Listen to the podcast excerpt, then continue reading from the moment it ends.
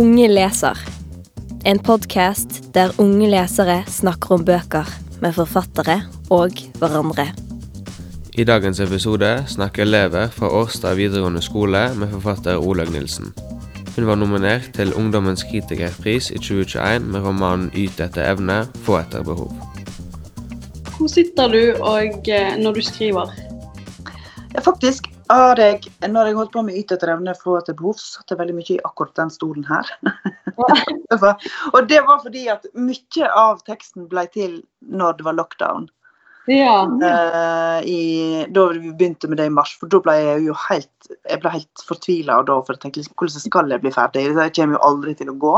Ja. Og fordi at da var alle tre ungene mine hjemme. Eh, og det var liksom ikke, det var ikke snakk om det var, det, var, det var ikke snakk om å få jobba noe da. Så da sto jeg opp veldig tidlig. Og så satte jeg meg, og så, eh, og så kledde ikke jeg på meg. Jeg tok bare på meg en sånn morgenkåpe. Og så lagde jeg kaffe, og så satte jeg meg ned i den stolen her. Jeg måtte stå så tidlig opp, og så orka jeg liksom ikke helt. sant? Jeg orka ikke helt å stå opp. For jeg visste jo at det var liksom en hel dag med mye, eh, med mye oppfølging av ungene etterpå. Mm. Og så satt jeg da i én eller to timer før, før de andre sto opp og skrev. Men det er jo ikke altså Jeg vil jo ikke egentlig anbefale det, da. Jeg vil gjøre på, eh, hvordan var det å skrive akkurat denne boken når det er et så nært tema? Mm. Eh, Det var veldig Altså, det var Tungtids tale, som er en helt personlig bok, den var det veldig eh, Den kosta det masse å skrive. Mm. Da måtte jeg på en måte eh, være modig og være, og være ærlig og være liksom Mm. Eh, ja, altså det var vanskelig å liksom få skrevet Både å um, innse de tingene jeg skrev om der, og å formulere de tingene jeg skrev om der. Det har ikke vært sånn nå med yte etter evne, få etter behov. Men jeg hadde eh, Derimot så hadde jeg, var det viktig for meg å liksom fjerne det fra akkurat meg sjøl. Det var viktig for meg at denne gangen skulle jeg dikte. Sant? Altså at det skulle være ei konstruert historie. At det ikke skulle være Mm. direkte meg. Men når jeg liksom først fikk til det, da, eh, og fant ut hvordan jeg skulle gjøre det, så syns jeg at det var gøy å skrive. Jeg syns at eh, eh, jeg, likte, jeg syns at jeg hadde morsomme karakterer å skrive om. Eh, og jeg syns det var veldig morsomt å skrive om liksom, Særlig når de var på sitt mest barnslige og idiotiske, så syns jeg det var kjempegøy å skrive. Så ja. Um, er noen av karakterene basert på ekte folk? Eh, ja, Rakel og Lea er begge basert på meg. Eh, jeg tror nok at uh, mange som kjenner meg, tenker at jeg er litt sånn som Rakel i boka. Mm. Uh, at jeg er litt sånn der direkte mot folk og kan være litt sånn hard og litt ufølsom på en måte. Mm. Um, men jeg kjenner meg òg ganske igjen i Lea i boka, på noen ting i hvert fall. Uh, eksempel så er Lea veldig glad i å spille Heyday. og det har jeg i perioder spilt veldig masse Heyday på mobilen. Og det er jo selvfølgelig ikke noe å være stolt av, men, eh, men av og til så liksom eh, er jeg så sliten, eller kanskje så lat, da, at jeg bare henfaller til eh, sånne ting. Um, vi lurer på hva du akkurat du syns er en god bok. Det varierer lite grann. For det Mm. kommer litt an på eh, hva jeg er interessert i akkurat da, og hvordan jeg har det, og hva jeg er opptatt av. Men jeg har blitt mer glad i å lese sånne historier som er morsomme, eh, samtidig som eh, de liksom er litt sånn smarte og ja, men som, som går raskt å lese, tror jeg er det jeg mener, altså. Ja. Men som likevel liksom tar opp noe som jeg syns er viktig. Mm. Um, jeg, er- jeg leser ikke så masse dikt, eh, men av og til kan det være fantastisk å lese dikt. Jeg, leser, jeg leser nok ganske mye, fordi at eh, jeg jobber jo som forfatter, men jeg jobber òg med litteratur på andre måter. Og da trenger jeg liksom å vite hva andre skriver. Og hvorfor ble du forfatter?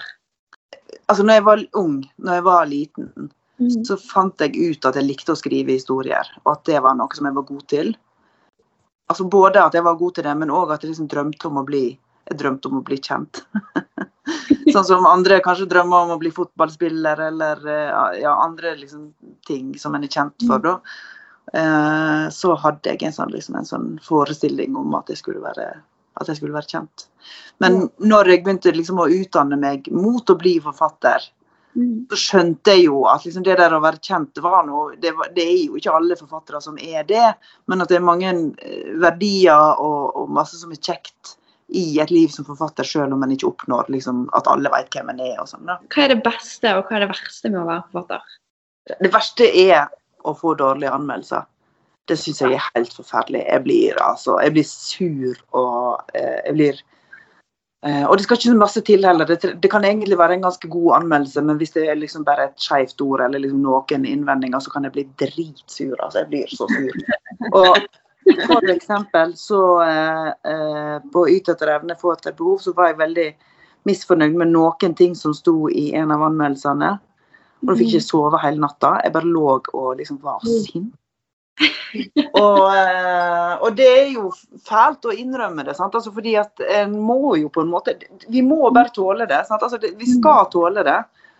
Eh, men, eh, men jeg bruker litt tid på å bearbeide dårlige anmeldelser. Det, det gjør jeg. Og det syns jeg er ganske Det, det er tøft. Altså. Jeg syns det er fælt. Altså, det- beste er litt avhengig av nettopp det at jeg faktisk kan leve av det. Fordi at det, det gjør at jeg har en sånn enorm frihet i arbeidslivet.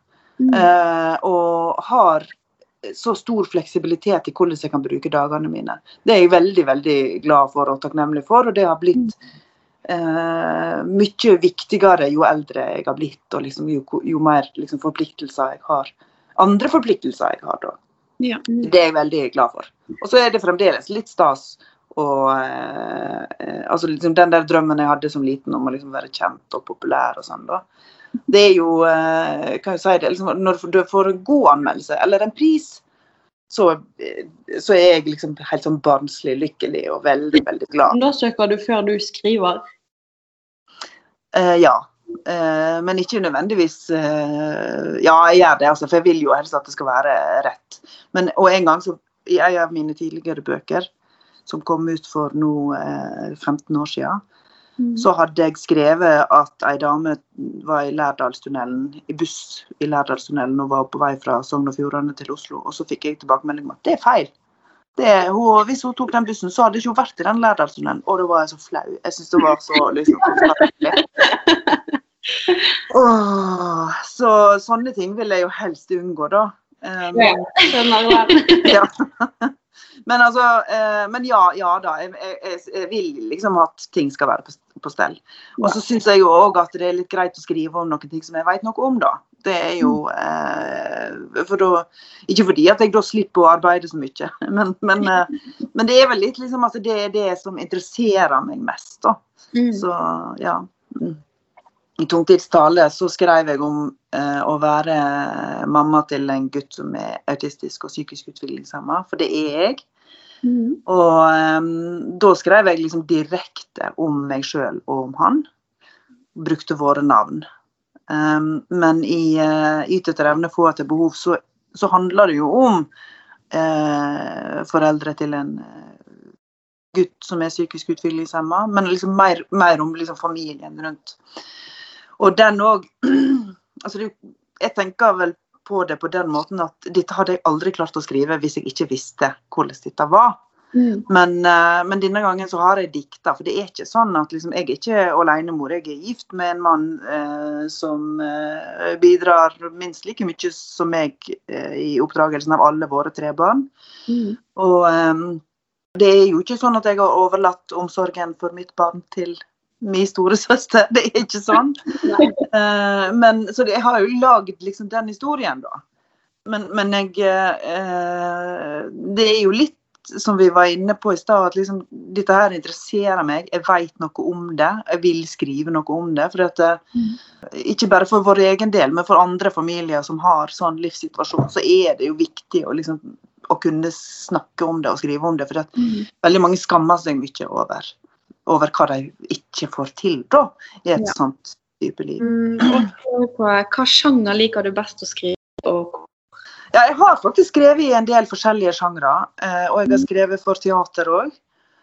Ja. men jeg liker best å skrive roman. Jeg syns det er kjekkest. Ja. Eh, og, eh, og kanskje på andreplass å skrive teaterstykke.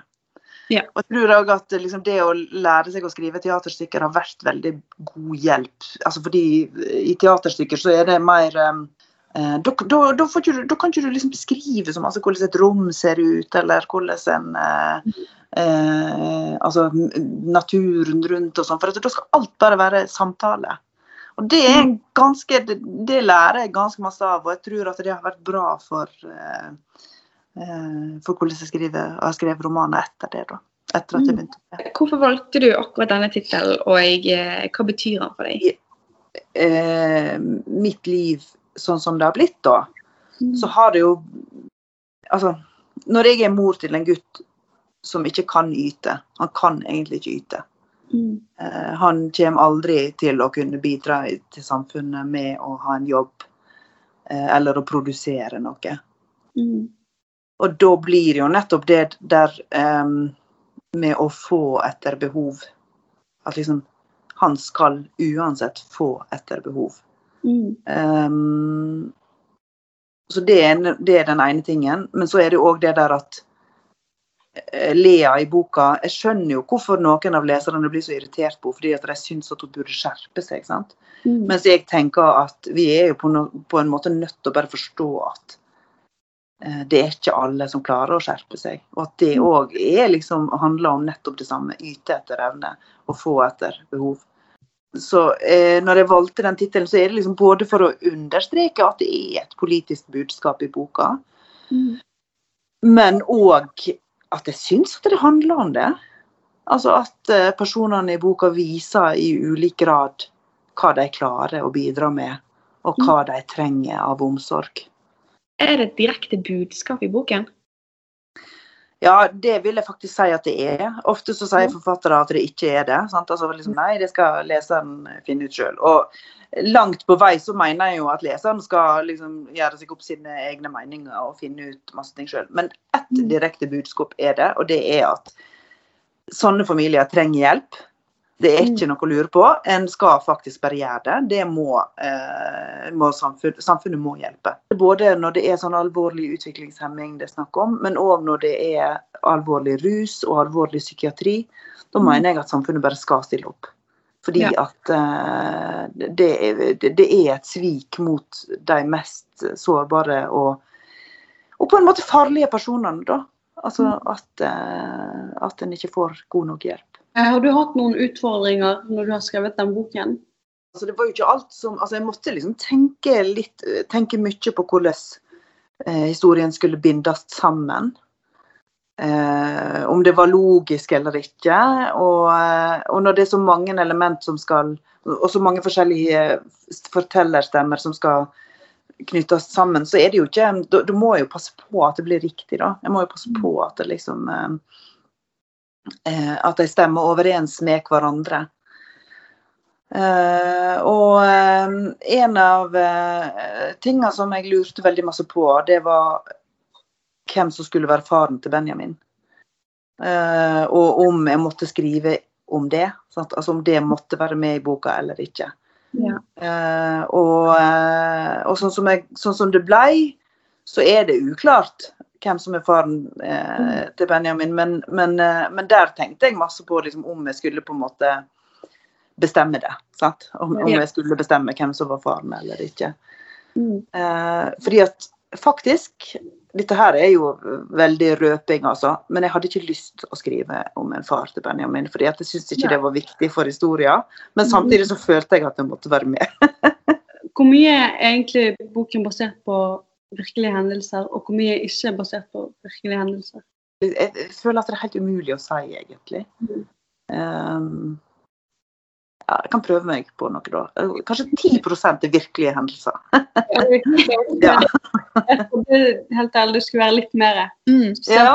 detaljert når f.eks. Benjamin spydde, eller når han var på toalettet. da. det, det er sånn med mange utviklingshemmede at Mm. eh, de skjønner ikke, de kjenner ikke at de er kvalme. sant? Og så, Mm. eh, At det er sånn med mange at liksom plutselig spyr de, og så er det ikke Og så liksom ja, øh, Så går de bare videre. sant? Altså, det, sånn er det. Jeg kunne liksom dikte det sånn fordi at jeg visste det.